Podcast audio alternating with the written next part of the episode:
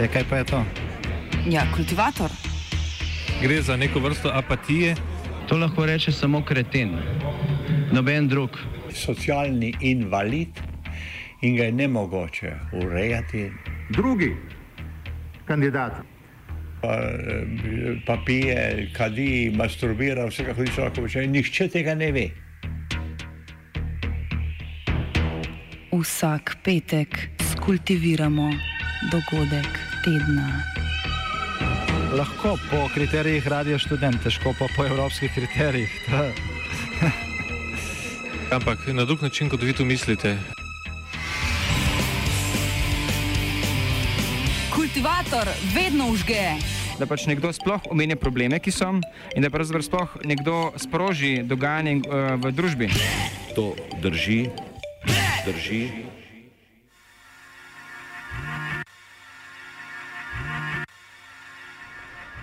Sluga naroda.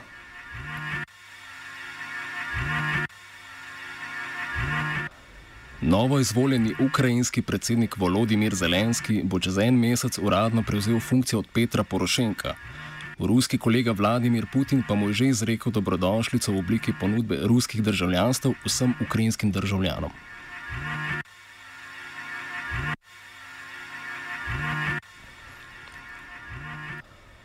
Porošenko bo tako postal bivši predsednik Ukrajine, ki je vladal med letoma 2014 in 2019. Od tako imenovane Majdanske revolucije do konca desetletja. Če soditi po volitvah, bo ostal v spominu kot neuspešen mandat. V drugem krogu je namreč politični novinec in do nedavnega le televizijski komik Zelenski osvojil dobrih 73 odstotkov oddanih glasov ter osvojil večino v vseh regijah razen ene. V tolažbo je Petro, čokoladni baron Porošenko, osvojil glas Ukrajincev v tujini.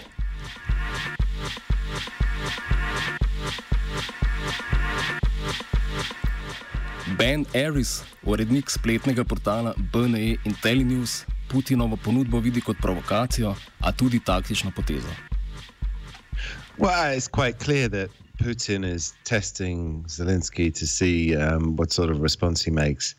And um, of course, it's disappointing in the sense that there was a golden opportunity with the change of president for Russia to begin to walk this process back and reduce the tensions. And by coming out so aggressively with what is a provocation, because the issue with passports is that it changes the legal status of whoever holds them. Um, the Russian constitution obliges the Kremlin to quote unquote protect its citizens. So if you have ethnic Russians living in the eastern part, uh, and you have a lot of them, just being ethnic Russians doesn't oblige the state to do anything. However, if they become citizens, then it becomes a pretext for military intervention and it becomes a pretext for the annexation of Donbass. And all of these things become possible. Russia went down the same route when it annexed um, South Ossetia and Abkhazia, which were formerly Georgian regions, uh, regions. It handed out passports before.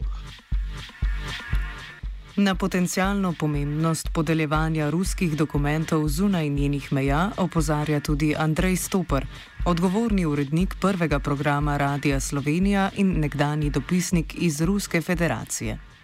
No, taktika s potnimi listi je v Rusiji že do dobra preizkušena. Rusija je zelo darežljivo dajala potne liste recimo prebivalcem Južne Osetije in Abhazije um, um, pred leti. Um, in kaj se je potem zgodilo? Leta 2008, kot vemo, je uh, tedajni gruzijski predsednik Sakašvili napadel Južno Osetijo, želel dokončno rešiti vprašanje svojih uporniških pokrajin. Se mu je pa seveda projekt svižil, takrat je posegla Rusija in petih dneh uh, premagala uh, uh, Gruzijo. Ampak v ozadju so bili deloma tudi potni listi, kajti prebivalci Južne Osetije, formalno gruzijske pokrajine, so imeli vsi rusko državljanstvo in Rusija se je v tem pogledu postavljala seveda v vlogo zaščitnice lastnih državljanov. In zdaj, kar zadeva Ukrajino, je seveda veliko vprašanje, a je um, ta namera Vladimirja Putina namenjena predvsem proti Ukrajini oziroma slabitvi ukrajinske, uh, ukrajinskih pozicij, ali je namenjena morda reševanju uh, situacije na vzhodu Ukrajine, v nepriznanih republikah Lugansk in Donetsk, kjer pa že tako tako veliko ljudi ima rusko državljanstvo. Tako da m, ni nepričakovano, da se je to zgodilo hitro. Uh, pričakovano je, da ko Ukrajina dobi novega predsednika in v zdajšnjih razmerah Ukrajina ne more dobiti proruskega predsednika, mora Moskva čim prej uh, predstaviti svoje pozicije in jih začeti zagovarjati. Tako da jaz ob tem pravzaprav niti nisem presenečen. Zelenski se je na besede Putina odzval nepričakovano ostro. Citiramo.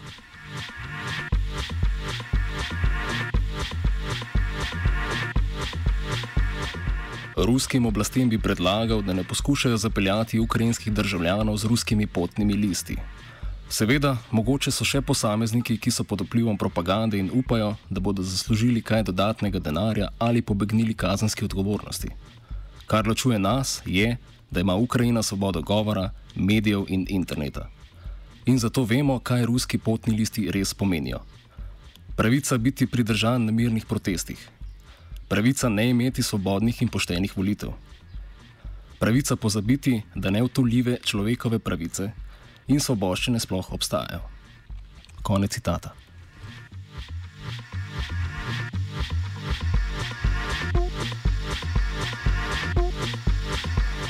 Zelenski je nadalje v odgovor Putinu, ruskim državljanom in vsem narodom, ki trpijo pod avtoritarnimi in koruptivnimi režimi, ponudil ukrajinske potne liste.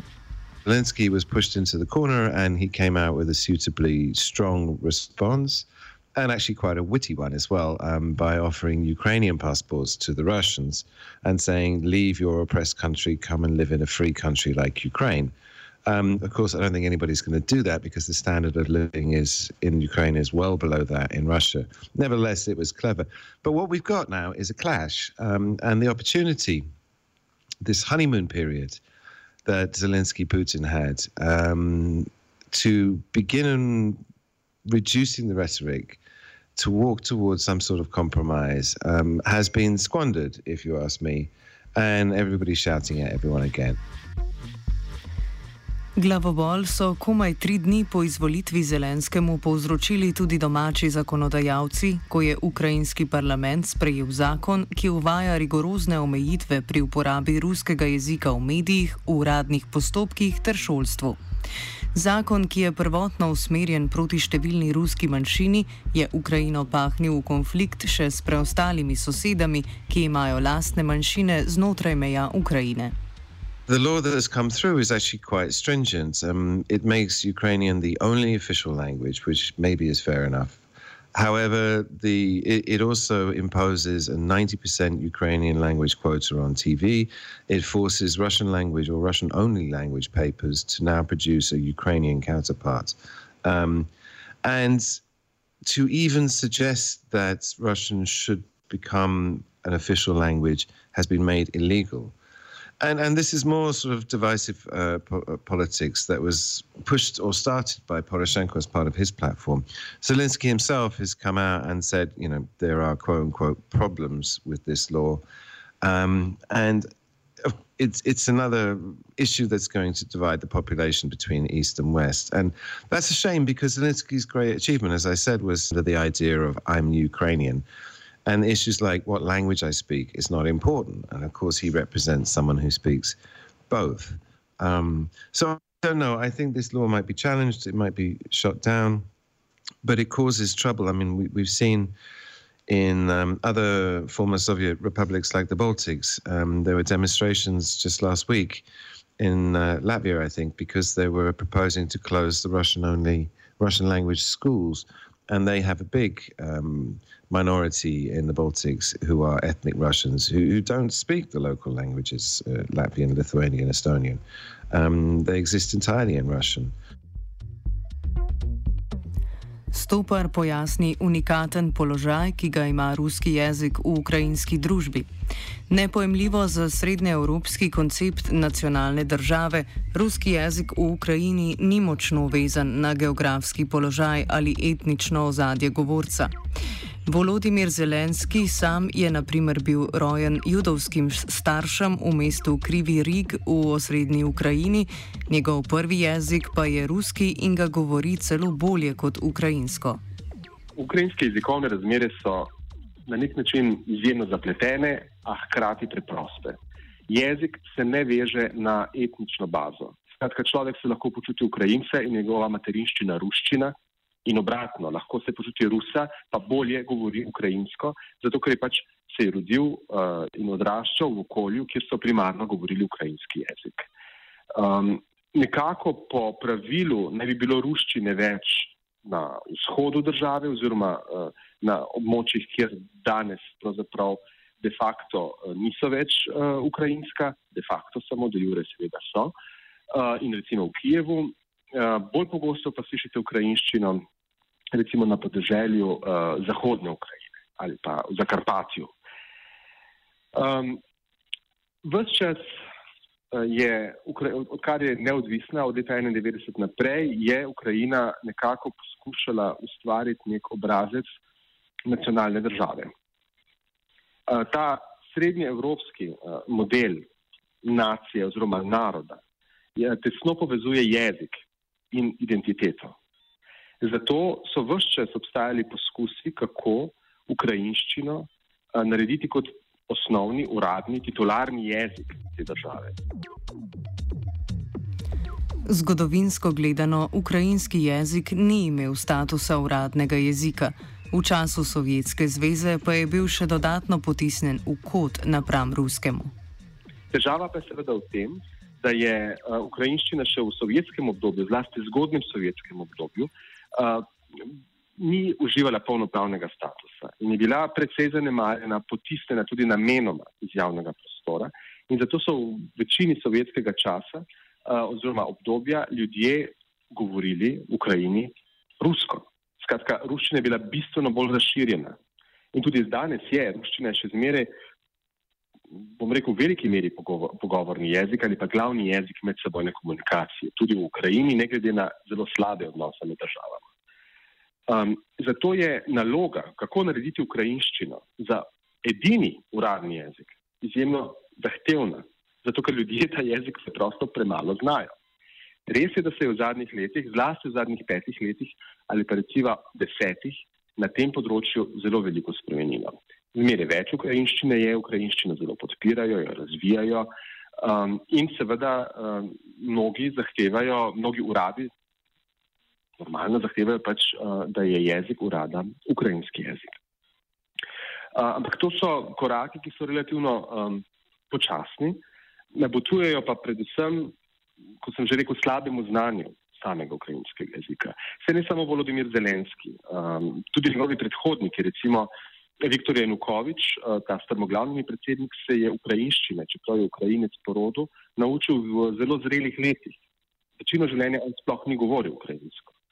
Razlika med jezikoma pa kar precejšnja, recimo tako kot med slovenščino in srščino vsaj. Tudi um, pisava je nekoliko drugačna, tako da zadeva ni tako preprosta. Stopar opozarja, da se z novim zakonom in bolj nacionalistično politiko nasplošno izgubljata resnična ukrajinska dediščina in kultura, ki je vedno bila konglomerat različnih vplivov ter jezikov to povezovanje po srednjeevropskem modelu identitete, jezika in kulture. Karkoli od te, te trojke ne sodi zraven, je moteče. In ravno zaradi tega vidimo v zadnjem času ta, tolikšno favoriziranje ukrajinskega jezika. Um, ampak ukrajinska identiteta, ali pa, ali pa bom rekel, ukrajinsko kulturno, zgodovinsko izročilo pa je drugačno, je bistveno širše, je večnacionalno.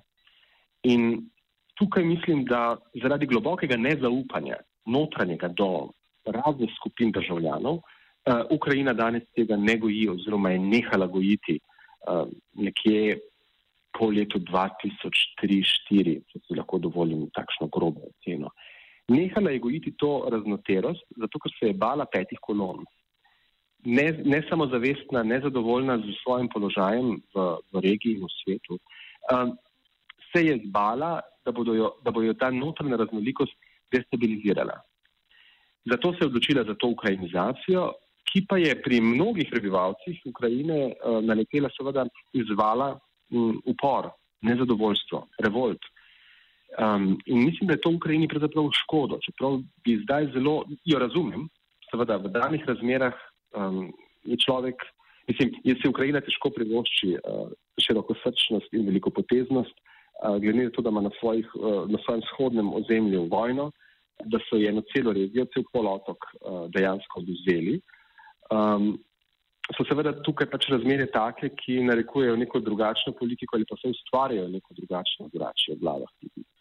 Uh, je pa to škoda, zato ker se s tem izgublja velik del uh, tega, kako bi rekel, um, premične kulturne dediščine, ki želite v Ukrajini. Porošenko je res da bil podpornik sprejetega zakona o jeziku, do katerega je bil Zelenski bolj zadržan, a dejstvo ostaja, da Porošenko ni začel procesa ukrajinizacije. Pred njim je to vrstno politiko še bolj zauzeto zagovarjal en drugi postrevolucionarni predsednik, Viktor Juščenko, ki je vladal med letoma 2005 in 2010. Prvi izrazito nacionalistični predsednik je bil um, Viktor Juščenko. Uh, ta je bil sploh um, glasnik ukrajinščine uh, enega jezika, enega naroda. Um, to, da je Porošenko stopil na neke nacionalistične pozicije, je normalno, saj je prišel na oblast po tako rekoč državnem prevratu. Uh, takrat smo gledali Viktorja Janukoviča, ki je veljal za proruskega predsednika. Čeprav če zelo natančno pogledamo, uh, vsa politika ali pa dobršen del politike Viktorja Janukoviča sploh ni, ni bil proruski. Ampak ljudje zelo radi uh, klasificiramo, predalčkamo in ob tem poslušujemo. Ne? Tako da uh, tudi, tudi zakoni o jeziku, ukrajinščini kot uradnem jeziku, so, starej, so ti poskusi starejši, se, se, se so, ta zakon ni prvič sprejet. Ne? Um, vsakeč, vsakeč nov politični trenutek spremeni konstelacijo moči in se en zakon sprejme ali se izniči. Tako da um, Ukrajina je v tem pogledu, tudi v pravnem pogledu, ali pa zakonodajnem uh, pogledu, predvsej fluidna država. Um, tako da jaz uh, razumem nacionalistično noto uh, vladavine Petra Porošenka. Popolnoma jasno je tudi, zakaj ni mogel ponoviti mandata kajti redko kateri predsednik, ki bi vladal uh, uh, svoji domovini v času vojne, um, takšnih pretresov, kot jih doživlja uh, Ukrajina, uh, finančno, gospodarskimi težavami, ki jih ima, uh, z eksodusom, ki, ki, ga, ki mu je priča, um, bo težko prepričal ljudi, da je korekten, dober predsednik, ki je za to. Uh, za svojo državo naredil veliko. Um, in zaradi vojnih razmer je tudi normalno, da bo opiral um, nacionalistične strune, pa če nam je to všeč ali ne. Vojna na vzhodu medtem še vedno poteka. Strani Rusije aneksirani Krim po besedah Erisa ni več na radarju navadnih ukrajinskih državljanov. Želje in zahteve po vrnitvi republik Donetsk in Lugansk pa ostajajo. The war carries on. It's now a frozen conflict. Um, like I say, tactically, for the Kremlin's point of view, um, they're, they're, quite happy with, with that. Uh, it achieves various things that the Kremlin is after.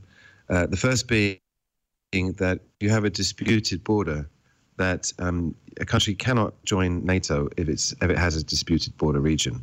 Um, because obviously, then Ukraine would join and then claim they're being attacked by Russia, trigger Article 5 and then the whole of Western Europe would have to attack Russia because Ukraine had been attacked. So for them, the Kremlin, the, the, the, frozen conflict is kind of a guarantee that Ukraine can't join NATO, which is one of its biggest goals. Uh, in terms of the fighting, it, it, carries on, and, and you know people are dying every day. The the the death toll now is up to thirteen thousand people. It's a couple of thousand people every year and um, with no end in sight. Um, Poroshenko tried various military initiatives, but whenever he does do that, all the Russians do is that they scale up the support from their side. Zelenski je v omenjenem odgovoru Vladimirju Putinu na njegovo ponudbo pasušov vnovič izrazil pripravljenost na intenzivnejši mirovni proces. Po ustavni ureditvi Ukrajine mu kaj v prvih štirih mesecih ne bo preostalo, oktobra so na sporedu parlamentarne volitve. The inauguration is slated for June 3rd, after which he formally becomes president. The president has the power to appoint the um, the defense ministry and the foreign minister, and also the prosecutor general. So, in effect, he gets control of foreign policy, and he um, he also gets uh, control of the law enforcement agencies. But he doesn't get any of the key um, ministries like economics ministry or social or interior, um, which are all appointed by the parliament.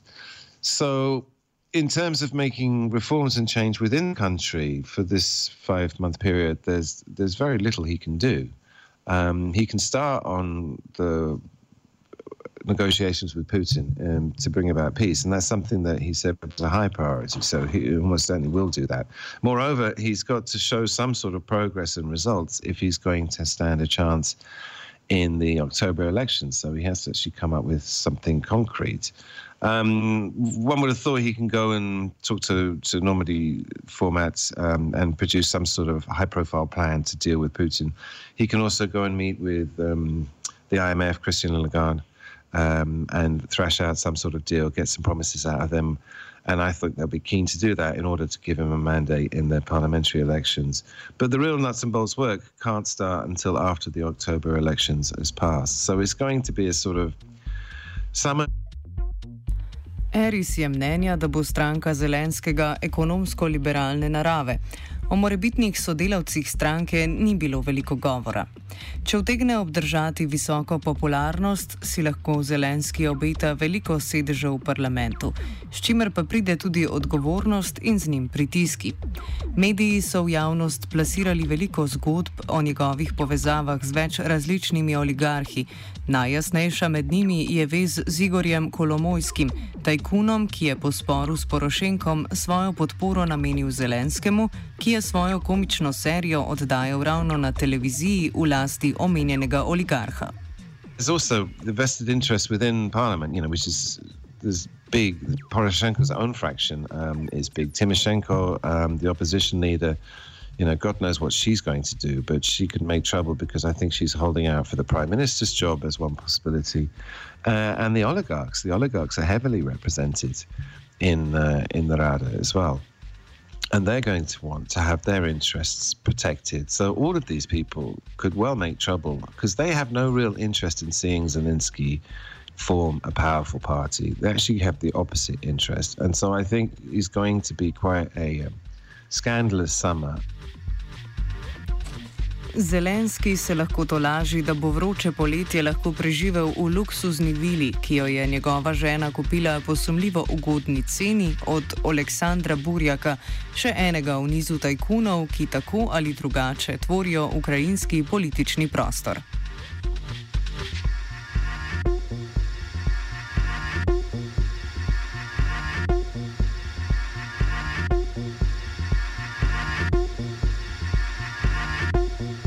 Kultiviral je Antun.